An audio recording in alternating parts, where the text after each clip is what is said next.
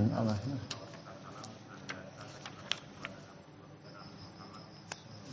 Allahumma salli wa sallim wa barik alaihi.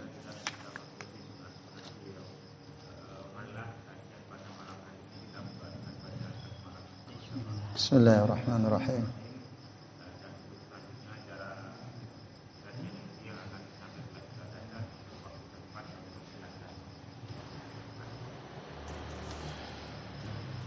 Baik, Bapak-bapak dan ikhwas sekalian kita mulai. Assalamualaikum warahmatullahi wabarakatuh. Alhamdulillah wassalatu wassalamu ala Rasulillah wala haula wala quwata illa billah. Amma ba'du ya.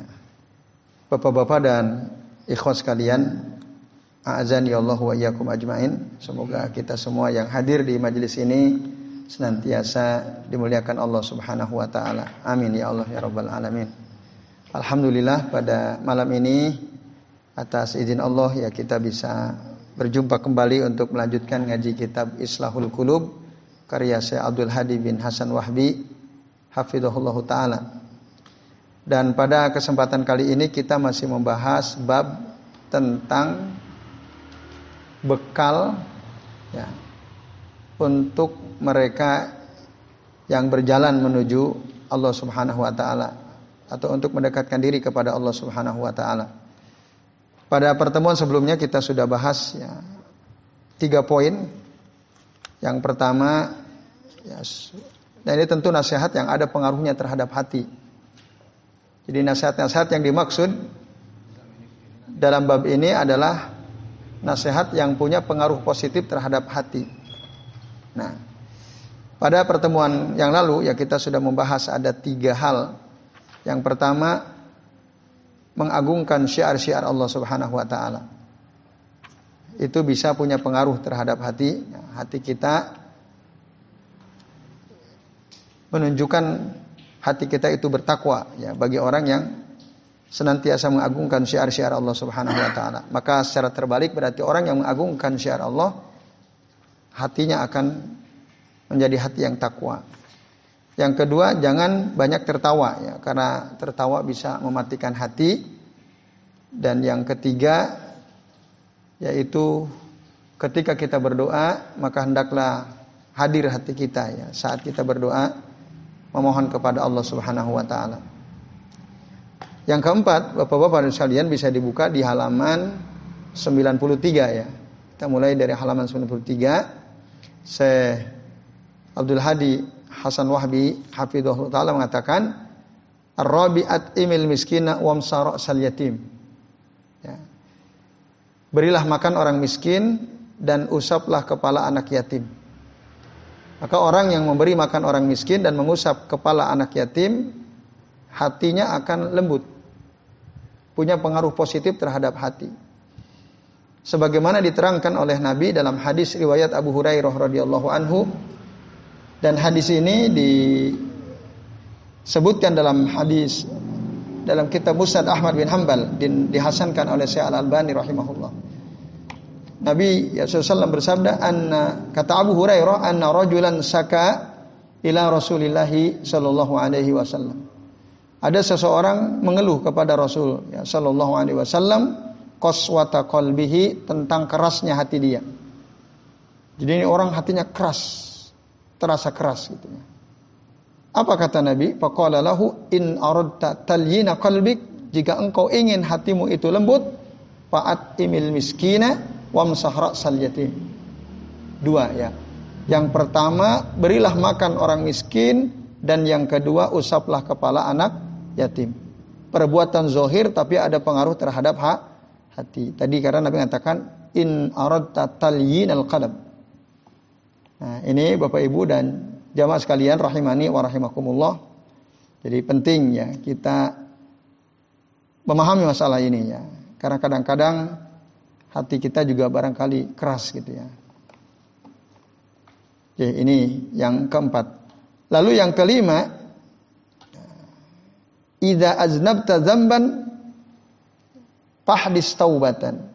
Jika engkau berbuat dosa maka segeralah bertaubat. Ini juga bisa ya mempengaruhi hati. Karena apa? Ketika seseorang berbuat dosa, hatinya hatinya kotor. Hatinya akan tertutup pelan-pelan. Sebagaimana diterangkan di dalam hadis riwayat Abu Hurairah radhiyallahu anhu dari Nabi ya sallallahu alaihi wasallam Nabi mengatakan innal abda idza akhta'a khati'atan sesungguhnya seorang hamba itu kalau dia berbuat dosa nukitat fi qalbihi nuktatas sauda. Maka akan ada bintik hitam. Ya di dalam hatinya ya itu akan muncul bintik hitam. Fa idza huwa naza'a wastaghfara wa taba sukila qalbuhu. Nah, kalau dia ya, melepaskan diri atau berhenti dari perbuatan dosanya, kemudian dia istighfar. Berhenti dari perbuatan dosanya dan istighfar memohon ampun kepada Allah, kemudian dia bertobat. Allahumma inni tubtu ilaika misalnya. Allah Allahumma gfirli wa tub alaika innaka anta tawwabur rahim misalnya.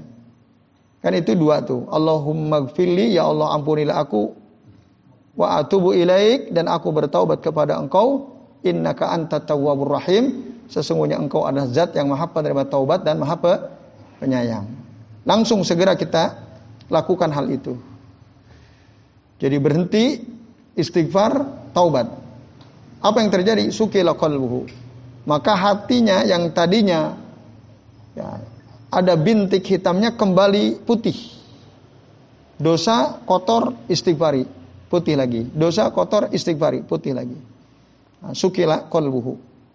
Tapi wa in ada, wa in ada, kalau dia mengulangi perbuatan dosanya zida fiha hatta ta'luwa kolbahu. Maka bintik hitamnya akan semakin bertambah sehingga menutupi seluruh hatinya. Nah, wa huwa ar-ranul ladzi dzakarallahu azza wajal, itulah dia ron atau penutup yang disebutkan oleh Allah taala dalam surah Al-Mutaffifin ayat ayat 14 ya. Allah Azza wa Jalla berfirman, "Kalla bal rona ala qulubihim ma kanu yaksibun." Sekali-kali tidaklah demikian kata Allah. Akan tetapi ya, tidak demikian. Rona kalla bal rona ala qulubihim ma kanu yaksibun. Akan tetapi ya uh, ada penutup di atas hati mereka disebabkan apa yang mereka kerjakan. Nah, itu ron. Jadi ron itu penutup hati, ya, kotoran yang menutupi hati disebabkan perbuatan dosa yang kita lakukan. Jadi perbuatan dosa itu kalau dibiarkan dia akan terus ngotori hati kita akhirnya tertutup. Bahkan nanti dalam hadis yang lain parah-parahnya gitu. Orang kalau sudah betul-betul kotor hatinya tidak lagi bisa membedakan antara yang ma'ruf dengan yang munkar. Tidak bisa lagi. La yungkiru al munkar wa la ya'rifu al ma'ruf. Itu dalam hadis yang lainnya. Nah, jadi hati-hati dengan perbuatan dosa jangan dibiarkan langsung diistighfari dan bertaubatlah kepada Allah Subhanahu wa taala. Nah, di dalam satu nazam syair yang dikutip oleh Al Imam Al Qurtubi dalam tafsirnya ada syair berbunyi wa kamrona min dzambin ala qalbi fajirin fataba minadzambil ladzi rana wanjala. Betapa banyak ya orang yang hati ya tertutupi dengan dosa atau berapa banyak ya penutup karena dosa atas hati pelaku kemaksiatannya ala qalbi fajirin. Fataba lalu dia bertaubat minat zambi dari perbuatan dosa tersebut Allah dirana yang bisa menutupi hati tadi wanjala menjadi bercahaya lagi, terang lagi karena dia bertaubat dari perbuatan dosa tersebut. Nah, maka bertaubat istighfar itu sangat berpengaruh positif terhadap hati kita, Bapak-bapak dan ikhwas sekalian ya. Menjadi terang lagi, kotor terang lagi. Maka ya segeralah bertaubat kepada Allah taala ketika kita berbuat dosa. Lalu yang keenam, nah, di sini ditekankan pentingnya memperbanyak istighfar. Ya. Aksir minal istighfar, perbanyaklah istighfar seperti yang dilakukan oleh Rasulullah SAW. Maka ada satu hadis dari Al Aghar Al Muzani radhiyallahu anhu. Kata beliau, Anna Rasulullah sallallahu alaihi wasallam qol, Sesungguhnya Rasulullah SAW beliau bersabda, Innahu la yuganu ala qalbi. Ini yang ngomong Rasul ya. Sesungguhnya la yuganu ala qalbi. Ada tutup pada hatiku kata Rasulullah. Wa inni la astaghfirullah fil yaumi mi'ata marratin. Dan sesungguhnya aku beristighfar kepada Allah dalam sehari sebanyak 100 kali. Siapa itu yang istighfar 100 kali dalam sehari? Rasul Rasulullah Shallallahu Alaihi Wasallam. Kita udah tahu ini. Kadang-kadang kita berat sekali ya. Pernahkah Bapak Ibu dan teman-teman sekalian merasa berat untuk istighfar 100 kali? Pernah nggak? Atau gampang terus ya hari? Atau mungkin nggak berat tapi lupa gitu ya? Ya. Kadang-kadang gitu, udah niat banget ya Allah saya mau istighfar. 100 kali. Eh sudah duduk gitu siap-siap malah ada yang lain yang kita lakukan. Itu antara lupa atau apa itu ya? Antara lupa atau godaan gitu ya. Nah maka memang kalau kita sudah punya niat mau beramal soleh ya termasuk mau istighfar jangan diselingi oleh perbuatan yang lain. Bisa jadi akhirnya gagal gitu gara-gara kita selingi. Ya, contoh paling gampang kalau di zaman sekarang ya orang mau istighfar udah duduk gitu ya, tapi diselingi baca WA dulu. Itu kemungkinan bablasnya besar itu. Iya atau tidak Baris? Iya, ya. Nah, ini, maka langsung ya, ada niat langsung, ada niat langsung. Kalau tidak syaitan nggak akan tinggal diam ya. Dia akan terus berusaha memalingkan kita supaya kita ini tidak melakukan amal soleh ya, termasuk memperbanyak istighfar dalam sehari-hari kita. Nah, maka dalam hadis dari Nabi tadi ya, innahu la yuganu ala qalbi wa inni la astaghfirullah fil yaumi mi'ata. Sesungguhnya ada tutup di atas hatiku dan aku beristighfar kepada Allah sehari sebanyak 100 kali. Lalu kata saya Abdul Hadi, Fa kana Rasul sallallahu alaihi wasallam yastaghfiru fil yaumi mi'ata marratin ma'a idhami sa'nihi wa kaunihi ma'suman.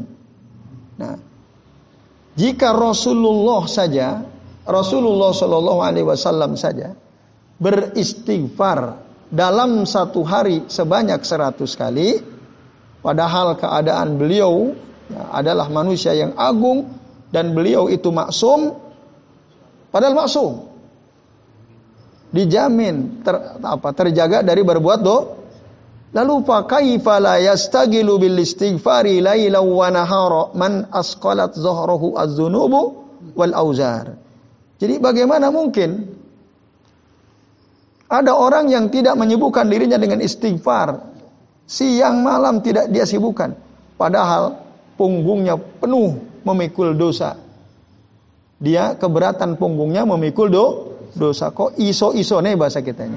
Orang yang akeh dosanya kok berat istighfar.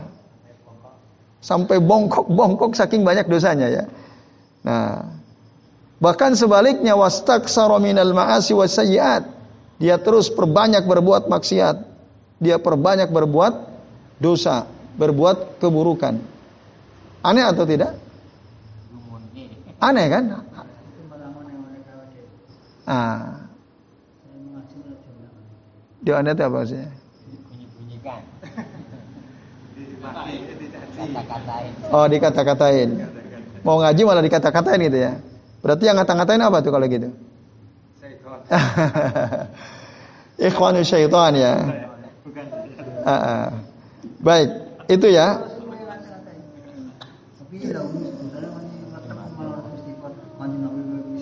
Ah, gitu. Ya. Ya, ini tentu saja koreksi untuk kita semua ya. Ya. Ah.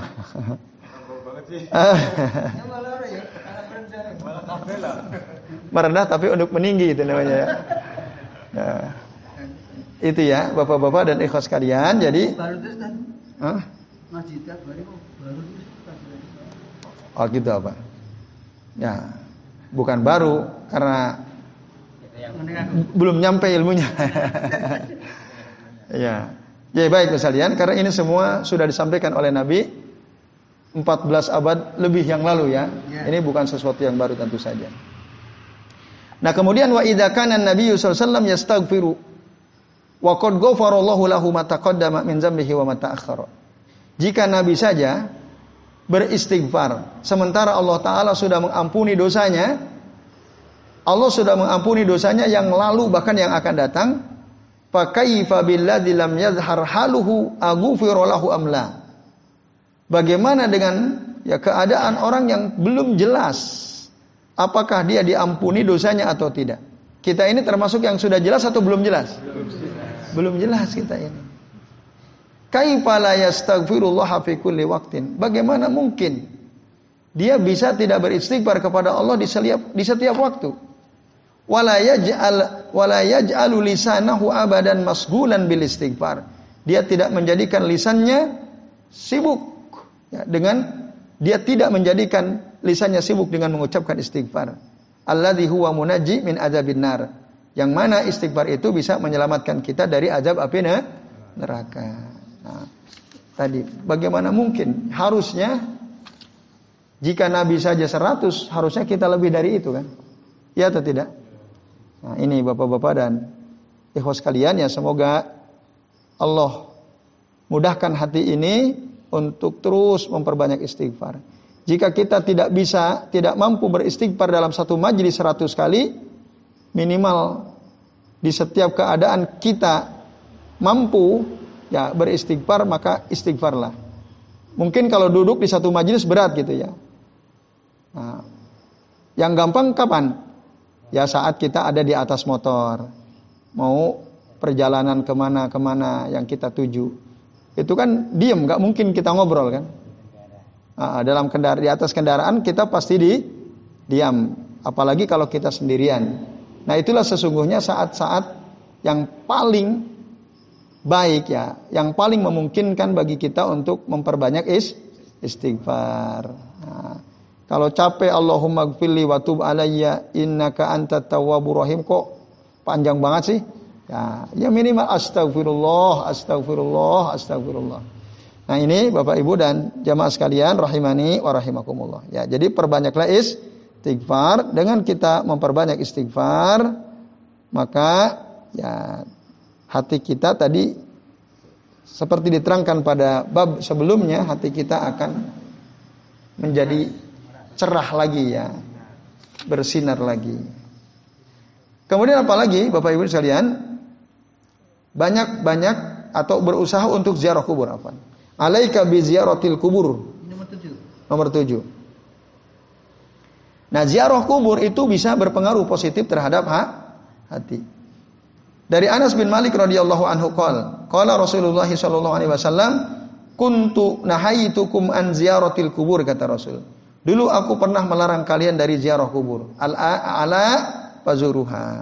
Sekarang ingatlah ziarahlah kalian. Ya, ziarahlah kepada ke, ke kuburan. Fa inna haturikul kalba. Karena ziarah kubur itu bisa melembutkan ha, hati. Waktu demiul ayina. Dan bisa membuat mata menangis. Ziarah kubur itu. Waktu zakirul akhirah. Dan bisa mengingatkan kita akan negeri A, akhirat. Udah ziarah kubur kok hati masih keras, mata nggak nangis, ingat akhirat juga kagak gitu ya. nah, karena kekuburannya boleh wangsit itu ya. Ya. Diperjelas, bukan untuk cari wangsit tadi ya. Bukan. Nah, tanya kalau kita tuh ya, apa itu wangsit ya? Kalau pangsit sih enak ya. Adanya di tukang mie ayam kalau itu ya. Nah, ini ya. nah, ini jadi Berdasarkan hadis Nabi ini harusnya ziarah kubur itu harusnya membuat hati ini lembut. Ya. Mata kita menangis ya. Kita jadi ingat ah, akhirat harusnya. Nah, ini Bapak-bapak dan ikhwas kalian rahimani wa rahimakumullah. Nah, lalu kata saya Abdul Hadi ya hafidhullah hafidhullah taala fahadhihi mau'izatun 'azimatun idza amila al-insanu biha. Ini adalah nasihat yang agung apabila seseorang melakukannya. Nafaat huwa soluhat ahwaluhu. Bermanfaat untuknya dan keadaannya akan membaik ya. Fahal min sami'in munib wa awahin halim lin nasihatin yaslin nasihati yastajib. Apakah ada ya orang yang mendengarkan kembali ke Allah bertaubat, yang memiliki hati yang penyantun, ya, bisa mengambil manfaat dari nasihat nah, nasihat yang disampaikan Nabi tadi, nah, sehingga dia bisa menjawab atau bisa mengamalkan nasihat yang disampaikan oleh Nabi dalam hadis riwayat Imam Al Hakim dan hadis di atas tadi disahihkan oleh Syekh Al Albani rahimahullah dalam kitab Sahihul Jami. Nah, lalu kata saya Abdul Hadi, nah, hafidhahullah taala wala alla katuridu an taqul laisa indi waktun li, li ziyaratil kubur. Mungkin ya, kamu mengatakan bahwa saya nggak punya waktu untuk ziarah kubur, soalnya saya sibuk main tenis, misalnya, ah. misalnya. Soalnya saya sibuk punya pekerjaan, ya, saya sibuk dengan kegiatan ini dan itu misalnya. Sehingga nggak ada waktu untuk ziarah kubur, nggak ada waktu. Nah, kalau ada orang bilang seperti itu, maka fa'lam ketahuilah bi anna ashabal kuburi kanu mislak. Bahwasannya Para penghuni kuburan juga dulu sama seperti kamu. Ya, sama. A'maluhum kasiro. Ya, pekerjaan mereka banyak. Betul nggak? Orang yang mati mendahului kita juga ada yang sibuk, lebih sibuk dari kita kan bahkan. Walam yunhu asgolahum. Nah, kesibukan mereka tidak habis-habisnya.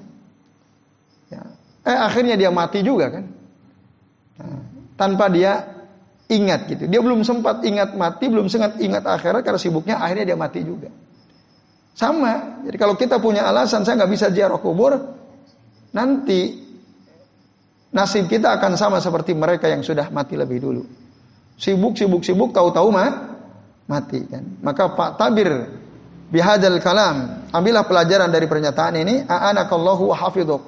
Semoga Allah menolong engkau, semoga Allah menjaga engkau waru'aka wasaddadak. Semoga Allah memelihara kamu dan semoga Allah meluruskan kamu wa ayyadaka wa kafak dan semoga Allah memperkuat dirimu dan mencukupkan kamu wa hadaka wa ahabbak dan semoga Allah memberikan petunjuk kepadamu, mencintai kamu dan Allah ridho kepadamu wa radiya anka. Amin ya mujibas ini. Nah, jadi yang ketujuh ini Bapak-bapak dan ikhwas sekalian, kalau ingin hati kita ini ya lembut, salah satu amalan yang bisa kita lakukan adalah ziarahku kubur. Ya. Gak usah jauh-jauh. Ngumpulin duit dulu. Nunggu setahun sekali gak perlu. Cari kuburan di mana aja boleh. Ya. Nah, di mana saja boh boleh. Ziarah kubur kan untuk kaum muslimin. Ya syukur-syukur kalau kita ziarah kubur ke makam yang di situ ada saudara-saudara kita, ada keluarga kita. Kalau jauh, ya udah ziarah ke, ke kuburan di mana saja. Nah itu di sini ada juga nih. Kalau mau ziarah kan, Nah, andai kata di, nah di kampungnya nggak ada kuburan. Nah, kalau keluar rumah, kalau ngasih lewat kuburan. Aku niatkan ini ziarah. Oh gitu ya. Ya boleh, tapi kan kalau ziarah itu berhenti dulu ya, berhenti berdoa gitu, tidak hanya lewat. Kalau antum bukan ziarah namanya, murur. Murur itu berjalan melewati. Ah, marra yamurru. Antum tamurru bil kubur itu namanya. Bukan tazuru al kubur.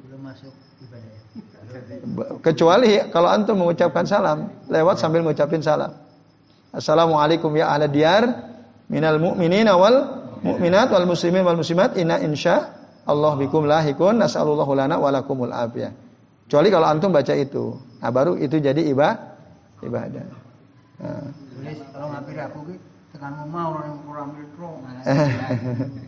ya baik itu ya bapak-bapak dan sekalian. Jadi ziarah kubur.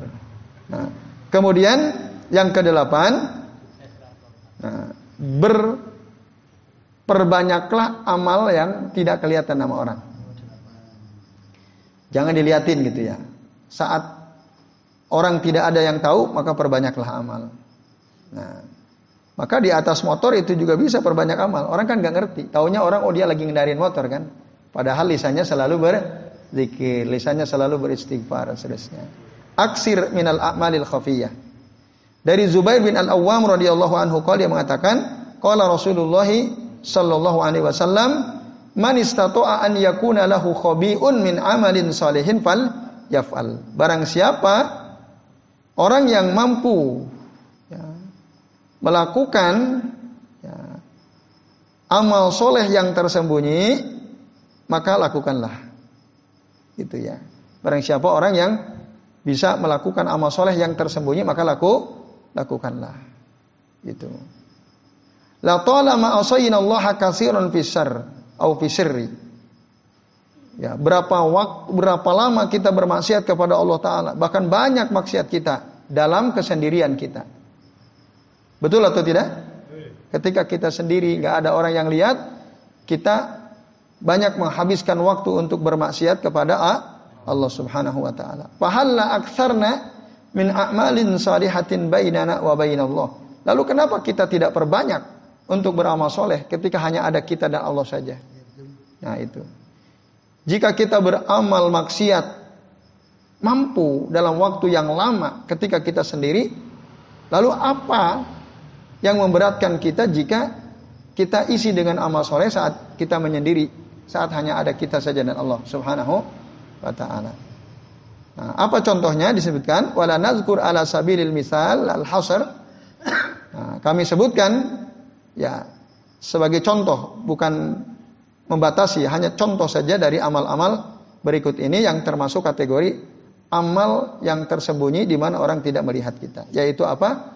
Al-buka'u min khasyatillah.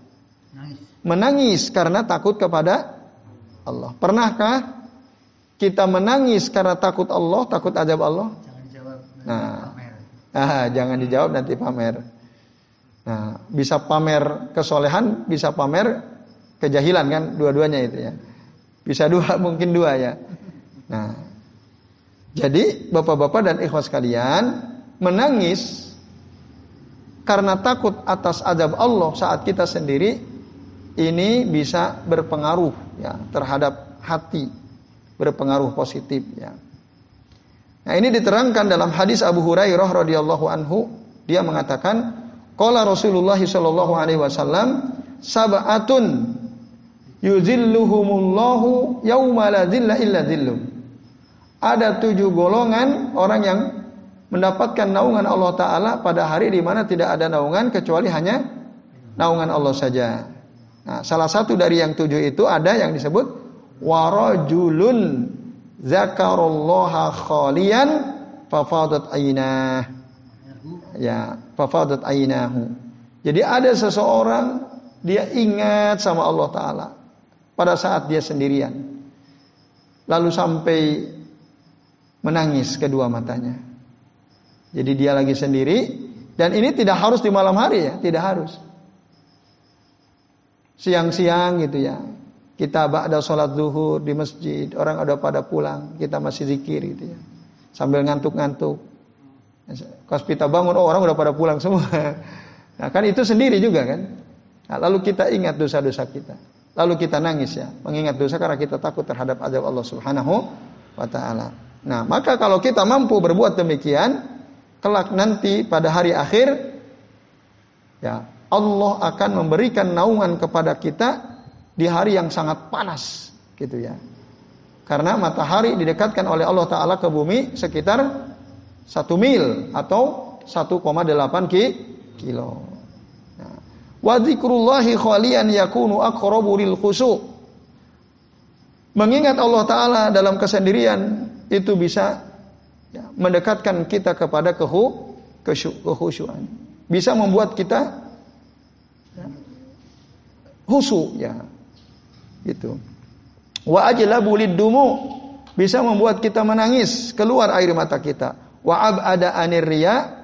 Bisa membuat kita jauh dari riya. Wa asfalin nafas dan bisa menjernihkan jiwa. Wala yakunu fihi iltifatun illa ilallah azza wajal dan tidaklah ya kita melakukan apa pun pada saat dalam kesendirian kita kecuali kita tidak tengok kanan kiri ya kecuali fokus kita kepada Allah azza wajal wa yakunul buka'u hina idzin min khasyatillahi wa khaufih maka nangis yang kita lakukan pada saat itu adalah tangisan karena takut kepada Allah Subhanahu wa taala. Kita fokus pada Allah azza wa jalla.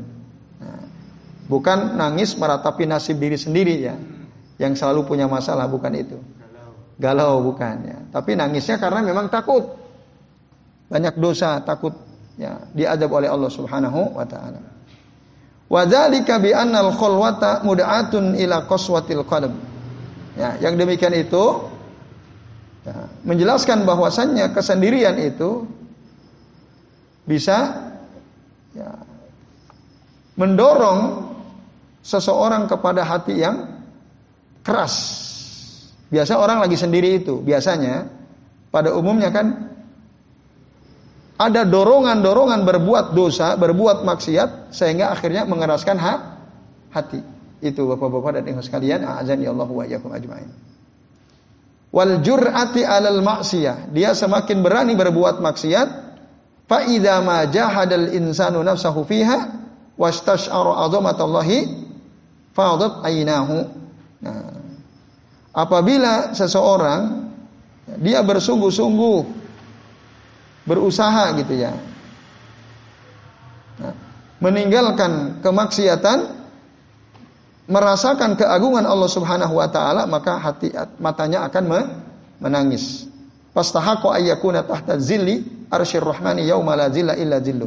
Maka orang yang seperti itu dia berhak mendapatkan naungan di bawah naungan arasnya Allah Zat yang Maha Rahman pada hari di mana tidak ada naungan kecuali naungan Allah Subhanahu wa taala. Maka kata Nabi tadi, warajulun zakarullaha khalian fafadat ainah. Ya. Seseorang yang ingat kepada Allah dalam kesendirian, lalu dia menangis kedua matanya. Orang yang berzikir ini, ya, hadad zakiru mustadillun bizillil arsh yaumal harril akbar. Nah, dia akan mendapatkan naungan dari di bawah naungan arsy Allah zat yang Rahman pada hari yang sangat pak panas. Ya, yaumal harril akbar. Kenapa? Pada waktu itu sangat panas? Karena matahari sungguh sangat dekat. Wan nasu fi harri syamsi qad saharat hum fil mauqifi.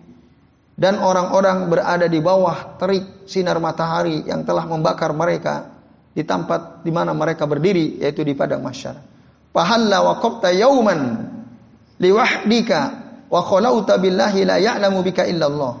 Maka kenapa kamu tidak ya, menyendiri dalam satu hari, dalam satu waktu? Engkau menyendiri hanya bersama Allah saja. Tidak ada yang tahu ya, keberadaan dirimu kecuali Allah. Kenapa itu tidak dilakukan? Gitu? Dalam sehari ada waktu di mana kita menyendiri hanya ada kita saja dengan Allah Subhanahu wa taala. Lalu patadzakarta azamatallahi wa qudratahu wa minnatallahi 'alaika wa nikmatahu. Lalu setelah itu engkau ingat-ingat keagungan Allah taala. Engkau ingat kemahakuasaan Allah taala. Engkau ingat karunia Allah taala kepadamu dan engkau ingat-ingat nikmat Allah kepadamu. Wa tadzakarta taksiraka wa kasrata dzunubik. Lalu engkau ingat-ingat bagaimana dirimu tidak maksimal dalam beribadah kepada Allah Ta'ala. Melakukan taksir. Bagaimana dirimu terus memperbanyak dosa. Nah, akhirnya, nah hati menjadi ingat ya kalau kita terus ingat itu. Waksa'arru al badan wasalatid dam'atu alal khaddain. Badan jadi bergetar. Mata air mengalir di atas kedua pipi. Parubbama kunta minas sab'atil ladzi alladzina yudhilluhumullahu fi dhillih. Nah, bisa jadi boleh jadi engkau termasuk salah satu dari tujuh golongan yang akan dinaungi oleh Allah taala kelak nanti di bawah naungan arasnya Allah Subhanahu wa taala. Nah, lalu kata Syekh Hasan Wahbi, hayya bina ilal buka wadumu.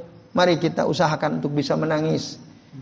Usahakan supaya bisa keluar air mata. Wala alla nastadillu bidilil arsh yaumal kiamah. Semoga kelak kita semua nanti ini bisa mendapatkan naungan di bawah naungan ars pada hari kiamat. Dzalikal yaumul ladzi ya'raqun nasu fihi ila adanihim. Itu adalah hari di mana orang-orang tenggelam oleh keringatnya sendiri bahkan sampai kedua telinganya. Ingat-ingat itu. tenggelam oleh keringatnya diri sampai ke kedua tali telinganya. Dan itu diterangkan oleh Nabi dalam hadis sahih riwayat Imam Al-Bukhari dan Imam Muslim. Kata Nabi SAW, Ya'rakun nasu yawmal qiyamati hatta yadhhaba arakuhum fil ardi sab'ina zira'a. Orang-orang pada hari kiamat akan keluar keringatnya sampai keringatnya itu mengalir ya, di atas bumi sampai 70 ziro, 70 hasta. 70 hasta itu sekitar berapa kilo? Jika satu hasta itu adalah setengah kilo, berarti 70 hasta sama dengan 35 kilo. Eh, setengah meter. Berarti jika satu hasta ada setengah meter, berarti 70 hasta sama dengan 35 meter. Dari sini ke mana? 35 meter. Sini ujung masjid ada nggak atau lewat? Lebih ya? Iya. Satu zero. Ah. Satu asap satu zero segini. Nah, kira-kira lah, kira-kira. Kalau ingin tepat ambil meteran. Nah ini perkiraan lah kira-kira setengah. Apa?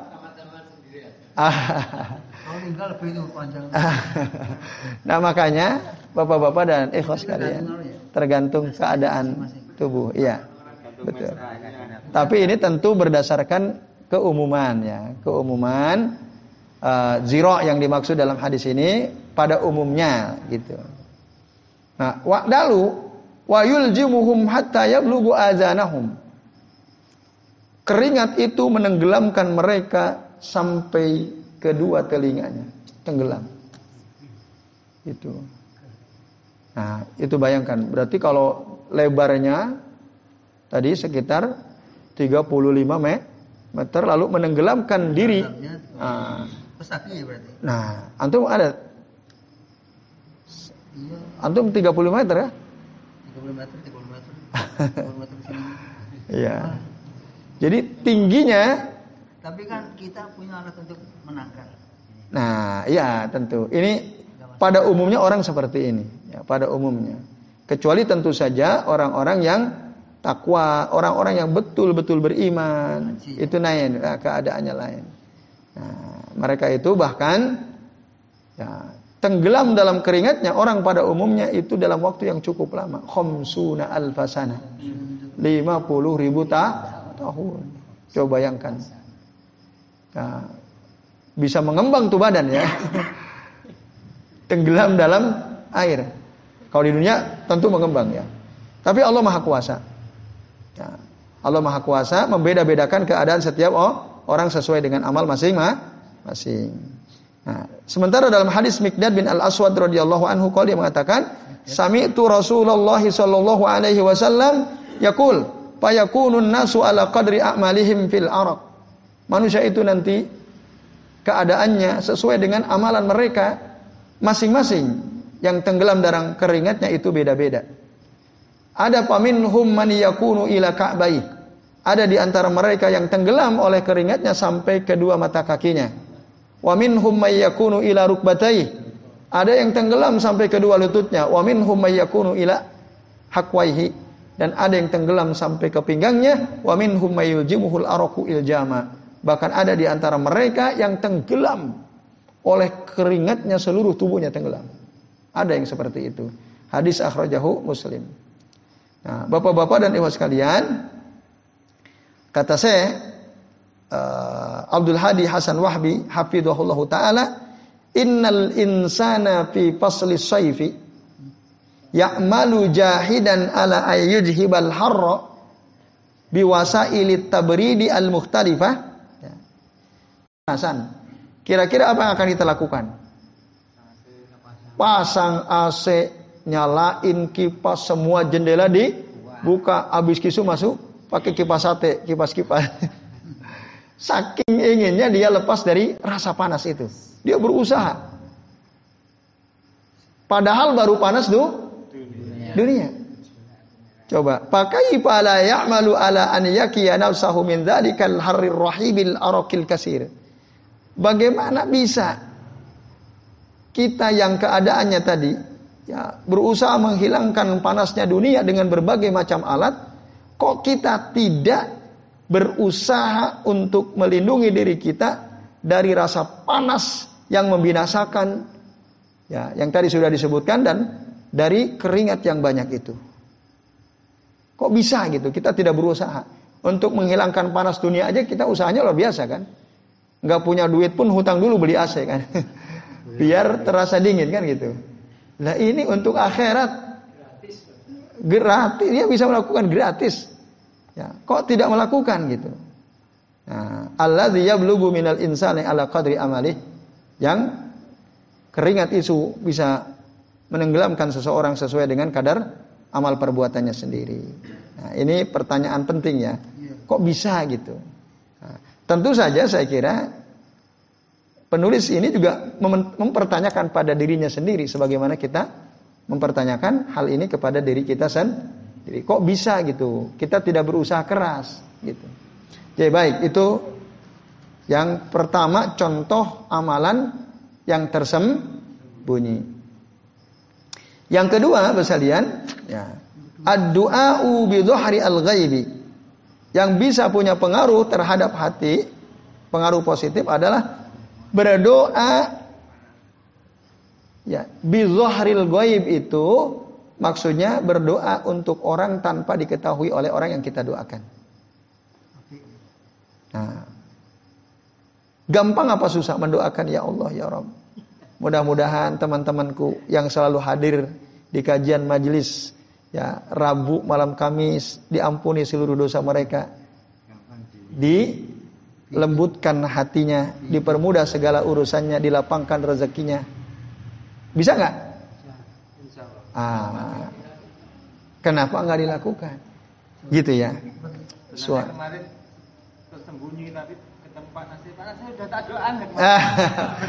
jadi hilang kesembunyiannya ya. Gak jadi. nah. Nah, Bapak Ibu dan jauh sekalian ya.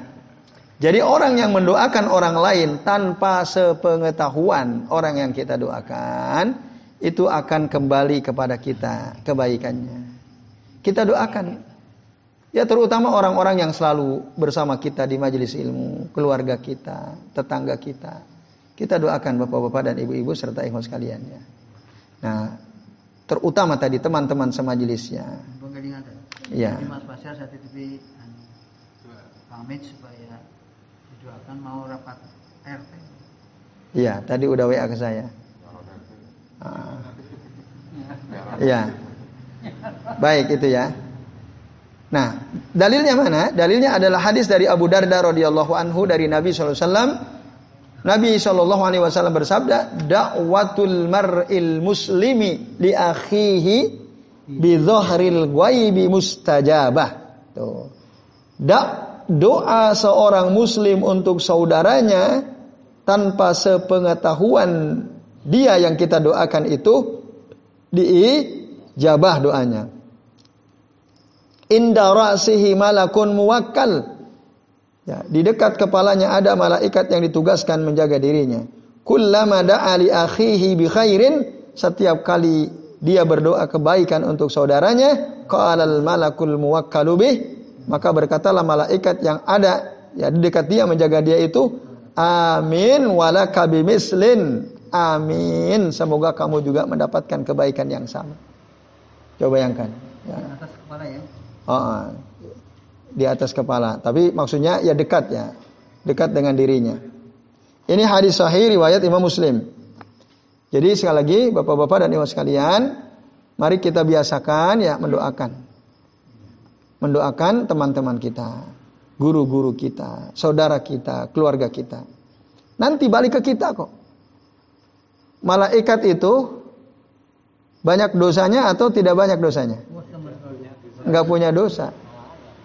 Nah, kalau orang nggak punya dosa mendoakan kita, kemungkinan diijabahnya besar atau kecil?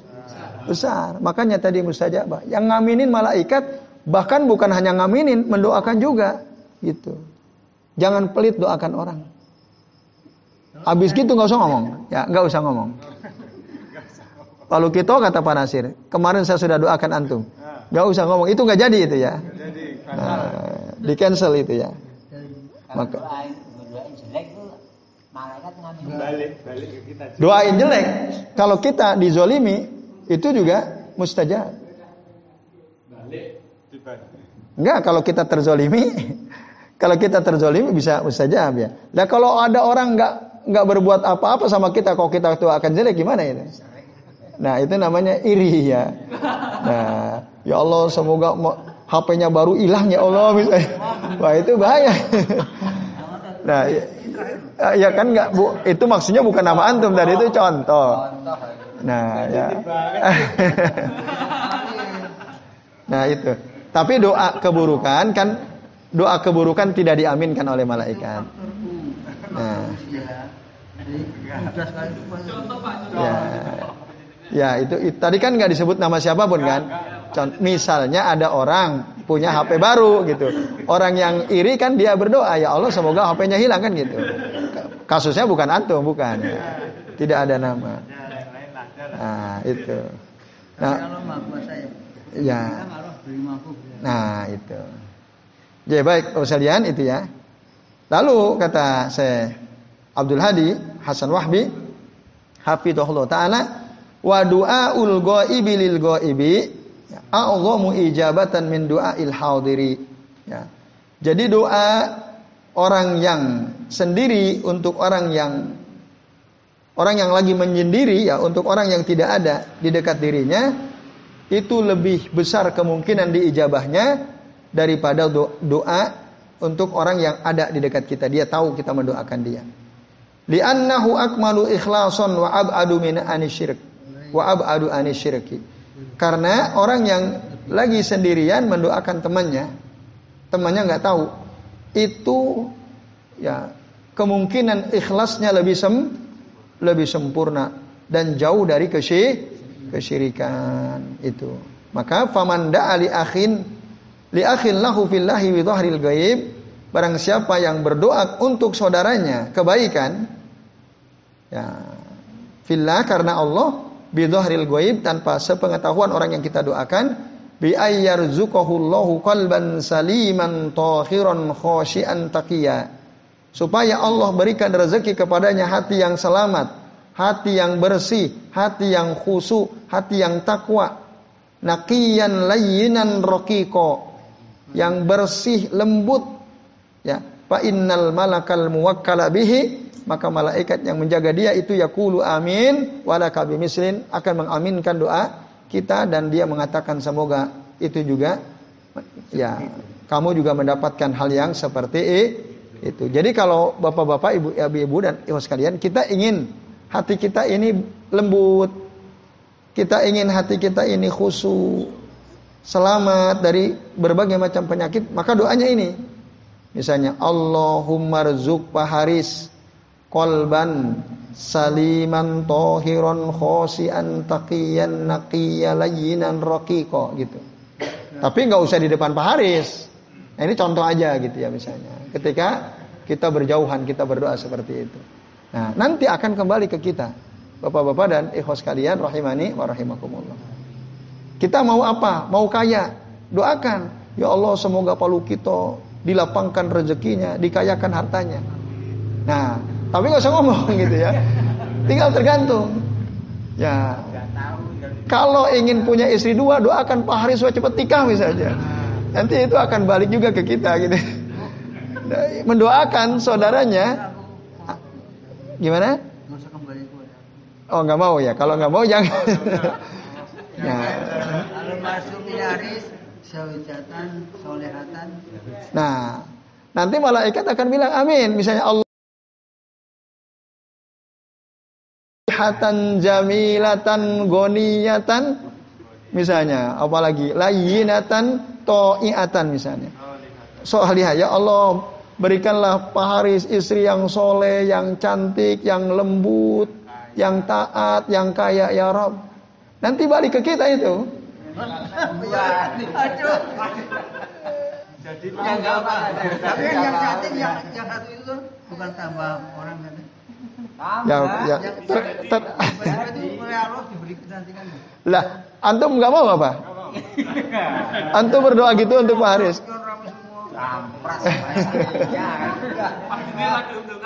Ya kan. Nan- nanti istri yang sudah ada pun begitu. Jadi lembut hatinya, kan gitu, taat sama suaminya dan seterusnya. Istrinya nggak tahu, Pak. Nah, Andai kata perang doa gitu nah istriku juga berdoa gitu. Ya gimana tuh? Perang ya, yang ganteng, yang kaya, yang lembut. Oh, gimana sih kalau berhasil itu? ya Allah akan balas dengan cara yang tepat tentu saja. Karena tidak mungkin Allah kembalikan kebaikan doa ya yang dibacakan oleh seseorang untuk saudaranya tanpa sepengetahuan saudaranya dibalikin dengan sesuatu yang itu haram tuh nggak mungkin. Nggak mungkin, pasti diganti dengan yang lain. Misalnya ada seorang ibu berdoa berdoa supaya anak temannya itu dapat jodoh yang sangat sekupu, yang sangat baik dan seterusnya. Gimana balasannya? Nanti kalau si ibu itu punya anak perempuan yang belum dapat jodoh, itu yang akan didapatkan. Jadi kalau antum misalnya, ah saya udah cukup satu aja, berarti nanti semoga anak antum yang mendapatkan jodoh terbaik itu. Nah, maka doakanlah orang lain supaya mendapat jodoh yang baik, kebaikannya akan kembali ke ke kita. Jadi berdasarkan di sini. Nah, itu tentu Allah lebih tahu apa yang antum butuhkan kan. Nah, ini Bapak Ibu dan jamaah sekalian rahimani wa rahimakumullah. Terakhir, terakhir. Ya. Satu lagi, al-iksaru minan nawafil fil baiti. Ya. Perbanyak sholat sunnah di di rumah. Nomor tiga ya. Ah, nomor tiga dari amal soleh yang tersembunyi tadi ya. Perbanyak amal soleh atau eh, eh, eh, ibadah-ibadah sunnah di dalam ru rumah. Termasuk sholat sunnah di antaranya. An Suhaib bin Suhaib radhiyallahu anhu qala Qala Rasulullah sallallahu alaihi wasallam salatul rajuli tatawwuan haitsu la yarahun nas ta'dilu salatu ala ayunin nasi khamsan wa isrina darajah. Salat seseorang salat sunnah di tempat di mana dia tidak dilihat oleh orang lain, nah maka pahalanya sama seperti salatnya dia di hadapan orang, ya, di hadapan orang sebanyak 25 de derajat, gitu. Jadi orang sholat sendirian, dengan orang sholat di depan orang lain, contoh sholat sunnah, ba'diyah atau qobliyah di masjid. Kita sholat sunnah di masjid, ada orang lihat nggak? Nggak. Tapi kalau kita pulang sholat sunnahnya di rumah, lebih banyak mana pahalanya? Di rumah. 25 de derajat. Bukan sabina. Hah? Sabina. Di sini khamsan wa isrina darajat. Nah, itu. Makanya kata Nabi, afdalu solatikum fi buyutikum illal maktubah. Seutama-utama sholat kalian itu adalah di rumah kalian. Kecuali sholat fardu, sholat wajib. Itu. Nah dalam hadis riwayat Imam Abu Ya'la ini yang disahihkan oleh Syekh Al-Albani ternyata keutamaan sholat sunnah di tempat yang tidak ada orang lihat atau di rumah itu pahalanya lebih utama sampai 25 de derajat. Bapak Ibu dan ikhwas sekalian rahimani wa rahimakumullah. Nah, tentu saja munfarid. As-salah tatawuhuna munfarid. Jadi bukan sholat wajib, tapi sholat sun. sun. Cuma memang godaannya kalau kita sholat di rumah, pas masuk rumah ada minuman ini, makanan ini disuruh ini itu ada tamu akhirnya nggak jadi itu. Kadang-kadang begitu ya. Tapi orang yang kuat himmahnya boleh nggak kita pas pulang sholat? Tadinya mau sholat ba'diyah kodarullah ada tamu akhirnya kita ngobrol. Habis ngobrol kita sholat sunnah. Boleh atau tidak? Boleh. Boleh. Ya atau boleh juga kalau dia uh, berkenan tunggu ya sebentar udah gitu nggak usah ngomong saya sholat dulu itu jadi ketahuan kalau kalau kita ngomong tak sholat saya itu jadi ketahuan Itu ah Termasuk sholat duha ya. Ustaz, ya. ya Sholat duha bilang dulu. Aku mau sholat dulu di masjid. Nah, itu. Sebaiknya tidak di disampaikan ya.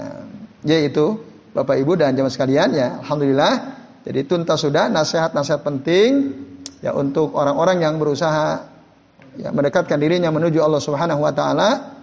Jadi agar hati kita selamat tadi ada beberapa amalan yang kita bisa lakukan.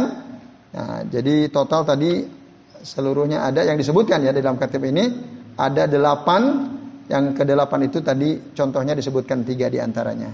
Jadi saya kira demikian apa yang bisa kita bahas pada kesempatan malam hari ini. Sebelum diakhiri, ini ada waktu seperempat menit. Kalau mau bertanya, kami persilahkan. Adakah yang mau ditanyakan? Ya, silahkan kalau kita. Termasuk tujuh golongan yang mendapat naungan di hari kiamat tadi, salah satunya Warajulun zakarullah. Mm-hmm. Ini artinya seseorang yang mengingat Allah. Ya, Kenapa tidak zakari tahu misal? Nah, yang perempuan gimana ini? oke baik. Jadi terima kasih walau kita. Jadi tadi salah satu golongan yang akan mendapatkan naungan Allah kelak nanti di hari akhir adalah warajulun zakarullaha khalian fafadat ainahu. Jadi yang dimaksud zakarullah di sini Pak Lukito ya berbeda artinya dengan zakarun. Zakar karena tadi man amila salihan min zakarin au unsa itu ya.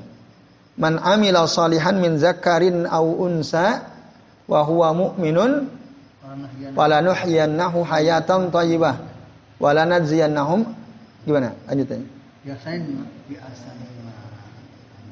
Nah, gitu ya. Jadi eh barang siapa yang beramal soleh min zakarin au unsa, zakar au unsa, dari laki-laki atau perempuan wahwa mu'minun dan dia beriman, maka apa yang terjadi? Ya. Wala nahyiyannahum hayatan thayyibah. Maka niscaya kami akan memberikan kepadanya kehidupan yang baik dan akan kami berikan imbalan yang lebih baik dari apa yang sudah mereka lakukan. Nah, itu memang ada kata zakar. Di sini juga zakarullah. Nah, kalau di sini fiil, fiil itu kata kerja, kalau yang lawan kata dari unsa adalah isim. Zakar, zakarun. Kalau ini zakaro. Maka kalau zakarun lawannya unsa, kalau zakaro di sini gofala lawannya. Mirip memang bunyinya, tapi maknanya berbeda. Kalau yang di sini itu adalah kata kerja, lawan katanya lalai. Zakar itu ingat, lawan katanya lalai. Sementara dalam ayat tadi yang saya kutip, zakar itu artinya laki-laki, lawan katanya unsa perempuan dan itu isim ya. Yaitu tapi jika yang Pak Lukito tanyakan kok kenapa rojul gitu ya, laki-laki. Nah, perempuan lalu bagaimana? Sama, Nah ini namanya khoroja makhrajal golibi. Para ulama sering menyebutnya kalau Rasul mengatakan sesuatu secara spesifik, ya misal laki-laki gitu ya, secara spesifik kan laki-laki sebut nih. Tapi sebenarnya selain laki-laki juga bisa melakukan hal yang sama. Tapi kok kenapa Rasul hanya menyebut laki-laki tok, perempuannya tidak disebut? Nah ini namanya khoroja makhrajal golib atau ala sabili ala sabilil aglab ya al aglabiyah uh, ini penyebutan kata rojul di sini ya apa dalam konteks tertentu karena yang ada di hadapan Nabi kebanyakan waktu itu adalah kaum laki kaum laki-laki para sahabat gitu. Maka yang disebut warajulun zakarullah khalian ya fafadat ainahu nah itu. Tapi tidak berarti ini menutupi kaum wanita. Nah, wanita juga sama. Karena tadi ayat tadi, man amila salihan min zakarin au unsa wa huwa mu'minun syaratnya dia beriman. Fala nuhyiyannahu hayatan thayyibah. Terus lanjutannya ada yang hafal? Yang tadi yang saya sebutkan.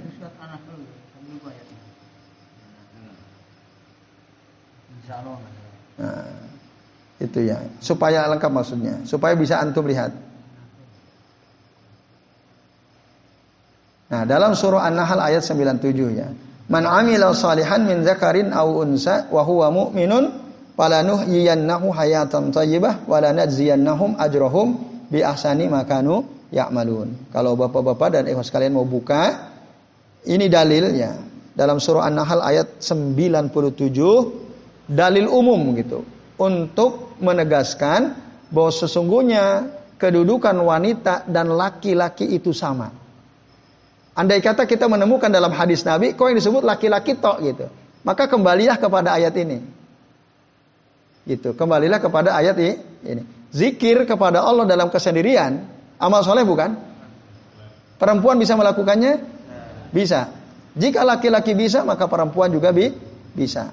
Maka tadi ini namanya kharaja makhrajal makhrajal golib. Ya, kalimat laki-laki yang disebutkan Nabi ini karena pada umumnya yang ada di hadapan Nabi adalah kaum laki laki-laki itu sebabnya kalau kita. Wallahu a'lam bishawab.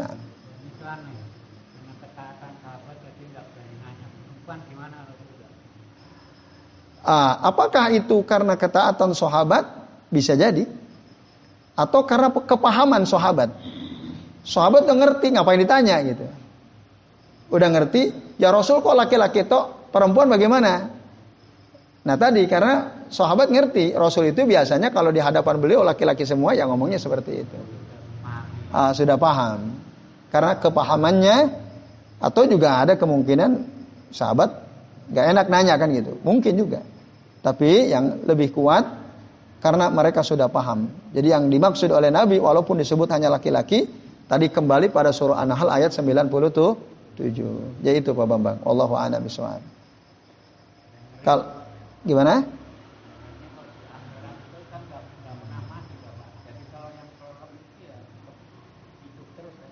Iya, betul. Mati. Ah. Jadi memang di hari kiamat itu semua orang menjadi sakti mandraguna katanya. Enggak mati-mati. Sehebat apa pun siksaan yang dialami, dia hidup lagi, hidup lagi. Iya, enggak akan merasakan sakit. Nah, mungkin ya kalau antum melihat film di dunia itu seperti si Mickey Mouse apa ya?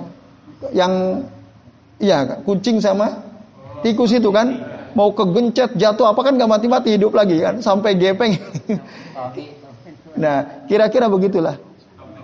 Ah, Tom and Jerry ya, Tom and Jerry ya, Tom and Jerry. Kan udah hancur pun nggak mati-mati. Begitulah kelak nanti keadaan manusia di padang masyar di hari akhir ya. Jadi ditimpa batu besar, ah, dilempar, dia tetap hidup, tidak mati-mati. Ya itu Pak Bambang ya. Kira-kira itu kesaktian yang mengenakan atau yang tidak enak gitu? Sakti dalam tanda kutip ya.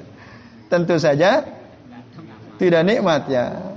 Sakit terus, nggak ada henti-hentinya kesakitan yang dirasakan. Jadi itu baik bapak-bapak dan ibu-ibu serta ibu sekalian ya.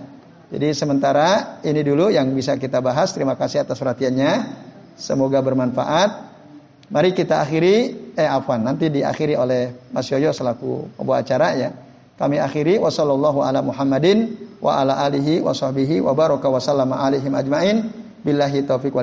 Wassalamualaikum warahmatullahi wabarakatuh.